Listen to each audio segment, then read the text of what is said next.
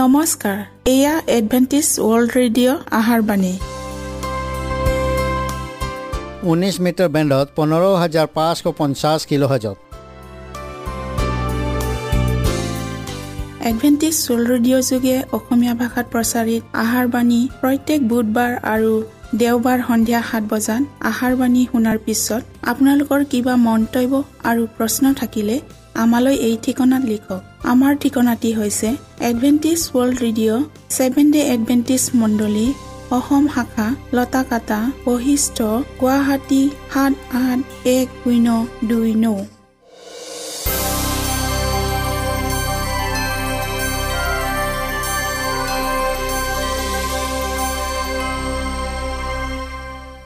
প্ৰিয় শ্ৰোতা বন্ধুসকল এতিয়া শুনো আহক এটি খ্ৰীষ্টীয় ধৰ্মীয় গীত।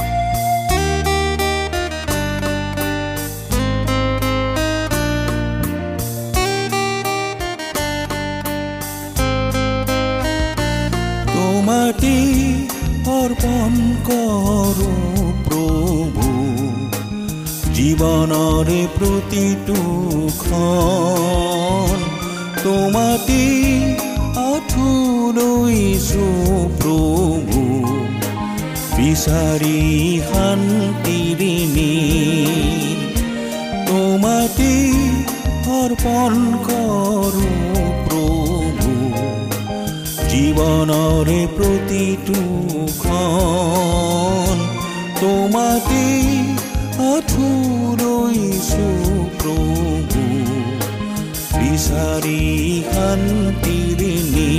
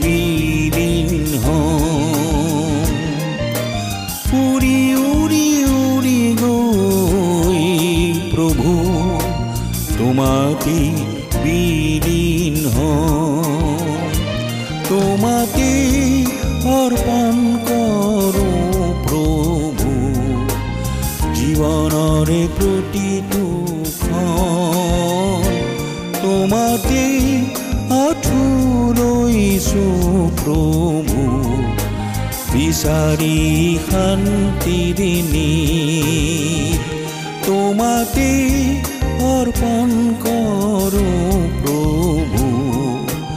জীৱনৰে প্ৰতিটো খন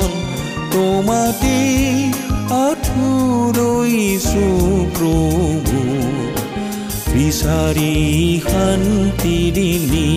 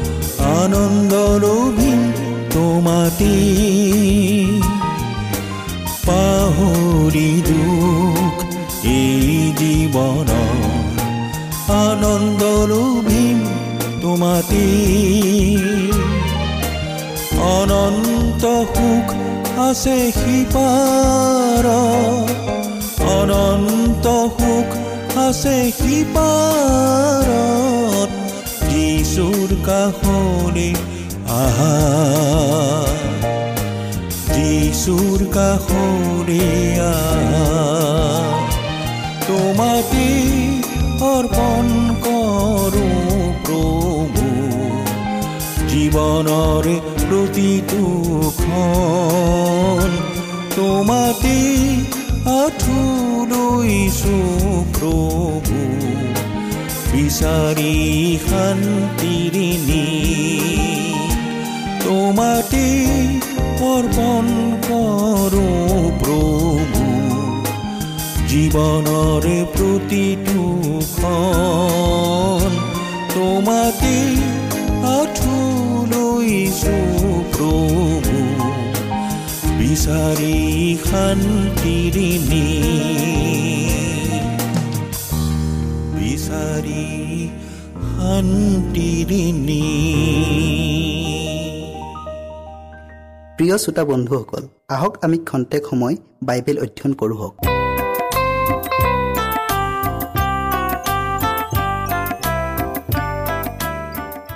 প্ৰিয় শ্ৰোতাসকল আহক আমি আকৌ যোৱা অনুষ্ঠানৰ বাকী অংশ মোৰ চুবুৰীয়ানো কোন?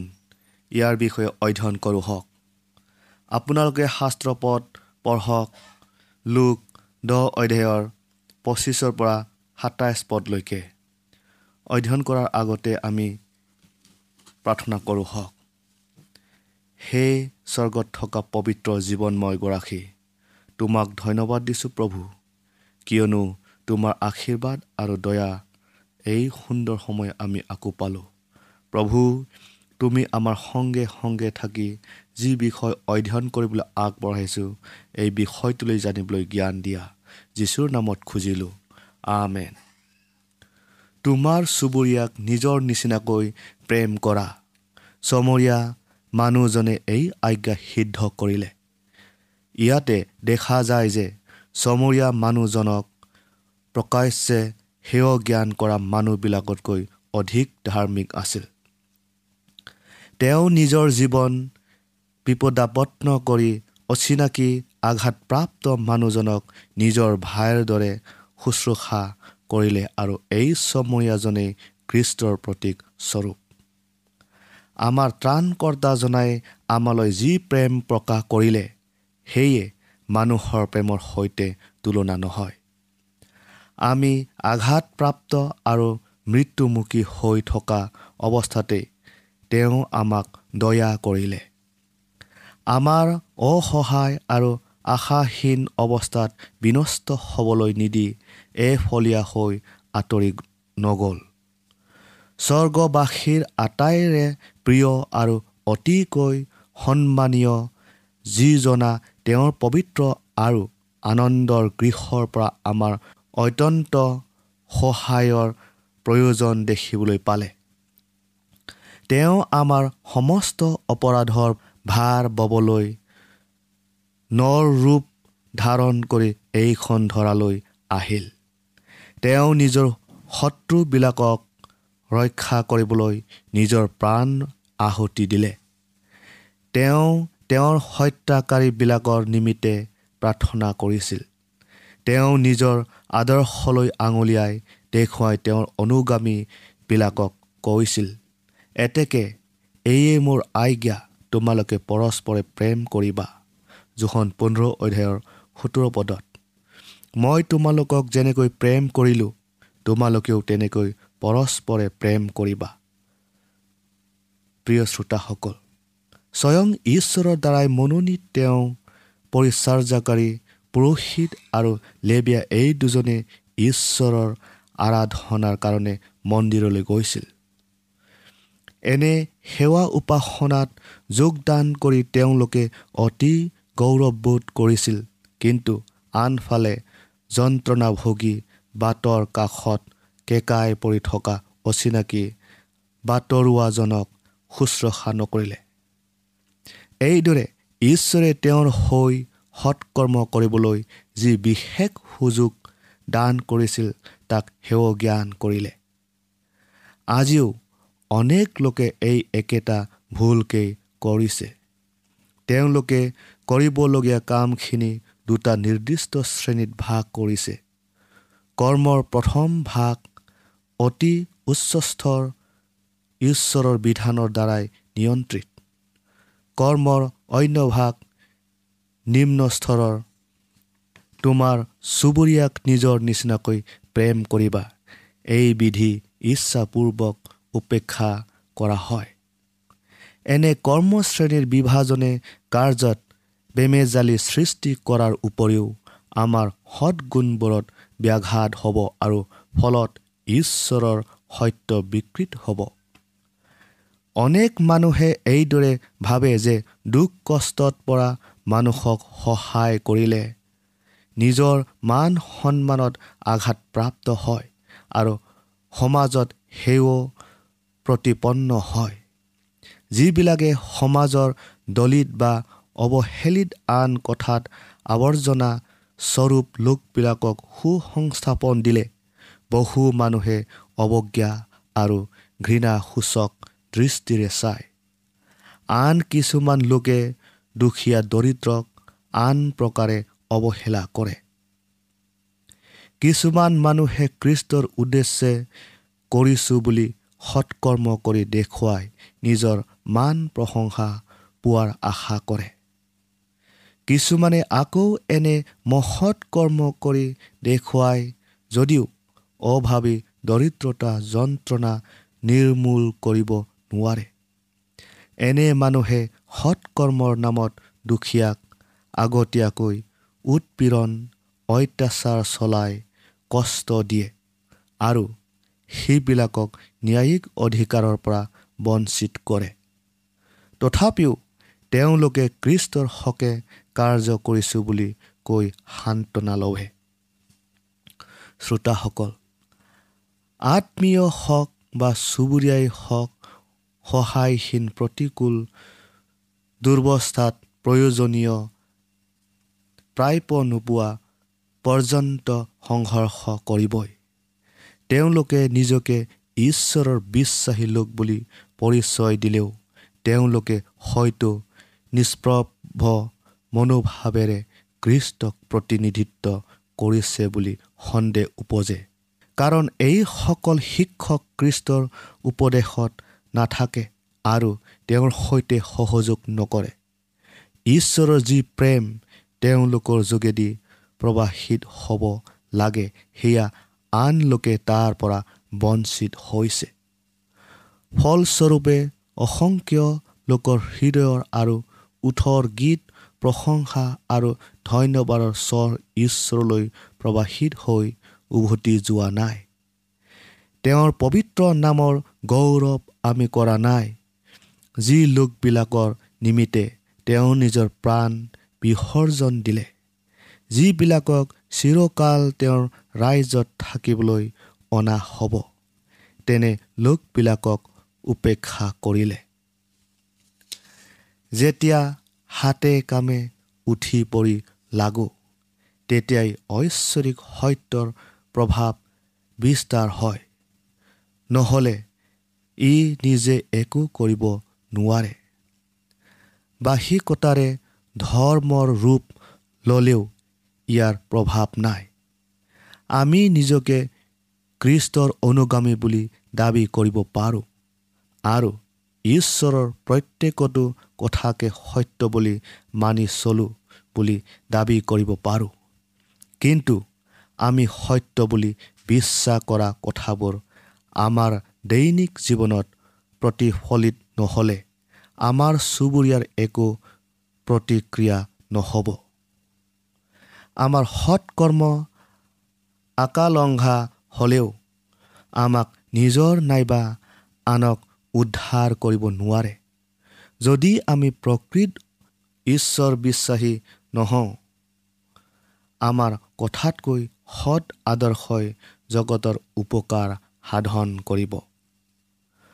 কোনেও স্বাৰ্থপৰ ভাৱ লৈ কৃষ্টৰ সেৱাত ব্ৰতী হ'ব নোৱাৰে। উৎপীড়িত আৰু দৰিদ্ৰ লোকক সেৱা কৰাই তেওঁৰ মুখ্য উদ্দেশ্য আছিল। কৃষ্টৰ অনুগামী বুলি পৰিচয় দিয়াবিলাকৰ হৃদয়ত তেওঁৰ মৃদু ভাৱ পৰিলক্ষিত হওক। যিবিলাকৰ উদ্ধাৰৰ অৰ্থে তেওঁ নিজ প্ৰাণ বিসৰ্জন দিলে তেওঁলোকৰ প্ৰতি গভীৰ প্ৰেম প্ৰদৰ্শিত হওক। এই লোকবিলাক তেওঁৰ দৃষ্টিত মূল্যৱান আমি নৈবেদ্য উৎসৰ্গ কৰাতকৈ অধিক মূল্যৱান আমি কিছুমান কামৰ কাৰণে ধন জন আৰু সময় ব্যৱহাৰ কৰোঁ। কিন্তু আনহাতে কোনোবা ব্যক্তি কিবা প্ৰয়োজনবোধে আমাৰ ওচৰলৈ আহিলে সেইজনৰ প্ৰয়োজন অনুৰোধৰ প্ৰতি গুৰুত্ব নিদি বিমুখ কৰি পঠিয়াওঁ। প্ৰিয় শ্ৰোতাসকল মানুহত কৃষ্টৰ ঐশ্বৰিক গুণ ৰোপণ কৰি পবিত্ৰ আত্মাৰ যোগেদি কাৰ্য সাধনৰ দ্বাৰাই হৃদয় সূচী হয়। শুভবাৰ্তা বাণীয়ে কৃষ্ট অৰ্থাৎ জীৱন্ত সক্ৰিয় জীৱন। কৃষ্টৰ অনুগ্ৰহ আমাৰ চৰিত্ৰৰ যোগেদি প্ৰকাশ হৈ আমাক সৎকৰ্ম কৰায়। সুবাৰ্তাৰ মৌলিক তত্ত্ব আমাৰ ব্যৱহাৰিক জীৱনৰ কোনো অংশৰ পৰা পৃথক কৰিব নোৱাৰে। আমাৰ প্ৰত্যেক ক্ষেত্ৰত আৰু কৰ্মত কৃষ্টীয় গুণ প্ৰকাশিত হওক।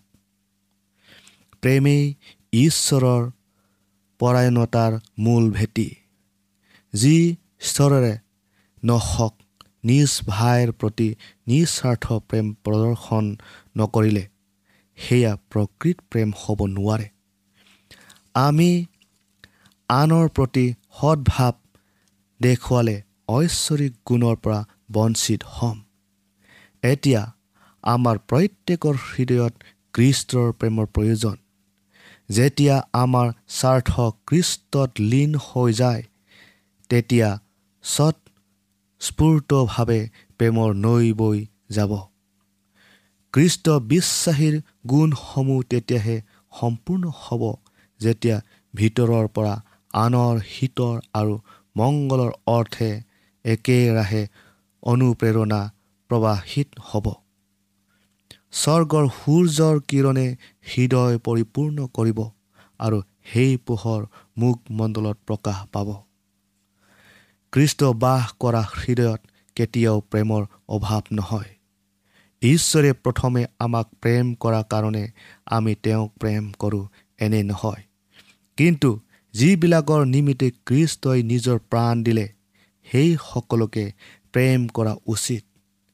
আমি মানৱ সংস্ৰৱলৈ নহাকৈ ঐশ্বৰিক অনুভূতিৰ অনুভৱ কৰিব নোৱাৰোঁ কাৰণ বিশ্ব সিংহাসনত বহাজনাৰ উভয় গুণৰ সমষ্টি। কৃষ্টৰ সৈতে সম্বন্ধ হোৱা মানে আটাই মানৱ জাতিৰ সৈতে প্ৰেমৰ সোণালী জৰিৰে বন্ধা হৈছোঁ। ফলত কৃষ্টৰ দয়া আৰু মহানুভূতি আমালৈ প্ৰকাশ হয়। আমাৰ ওচৰলৈ কোনো অভাৱগ্ৰস্ত আৰু দুৰ্ভগীয়া লোকক অনা নহ'ব। আনৰ দুখ কষ্ট লঘাবৰ কাৰণে অনুনয় বিনয় কৰিব নালাগে। কাৰণ বাতাৱৰণ সাধাৰণ পৰিৱেশৰ হ'ব। অভাৱগ্ৰস্ত আৰু নিৰ্যাতিত লোকবিলাকৰ প্ৰতি কৃষ্টৰ দৰে সৎকৰ্ম কৰি যাব পাৰিম। প্ৰিয় শ্ৰোতাসকল য'ত প্ৰেম আৰু দয়াৰ প্ৰেৰণা আছে য'ত মানে প্ৰাণে আনৰ প্ৰতি ভাল কাম কৰিবলৈ আৰু পতিতক উদ্ধাৰ কৰিবলৈ ইচ্ছা হয় ততেই ঈশ্বৰৰ পবিত্ৰ আত্মা সহায়ক হয়। ঘৌৰ পৌতলিকতাত নিমগ্ন মানুহবিলাক ঈশ্বৰৰ লিখিত ব্যৱস্থাৰ প্ৰতি কোনো সম্যক জ্ঞান নাথাকিলেও বা কৃষ্টৰ নাম কেতিয়াও নুশুনিলেও নিজৰ জীৱন বিপদাপন্ন কৰি হ'লেও কৰি নিজৰ বন্ধীবিলাকক ৰক্ষা কৰিছিল। কোনোবা দৈৱ শক্তি যেন তেওঁলোকক এনে কাৰ্যত সহায় কৰে এনে বোধ হৈছিল। তেনে লোকৰ অজানিতে বা সজাগতাৰ বিপৰীতে ঈশ্বৰৰ পবিত্ৰ আত্মাই পোহৰ আৰু শক্তি যোগায়।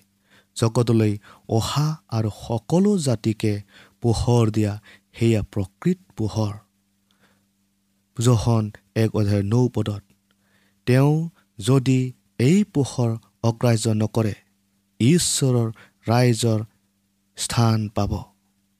প্ৰিয় শ্ৰোতাসকল আজি আমি ইয়াতে সামৰিলোঁ।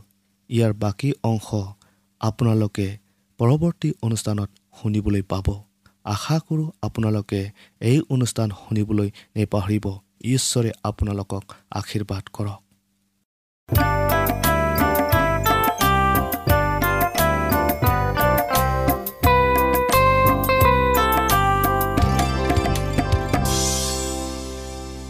ইমানপৰে আমি বাইবেল অধ্যয়ন কৰিলোঁ। এতিয়া আকৌ শুনো আহক এটি খ্ৰীষ্টীয় ধৰ্মীয় গীত।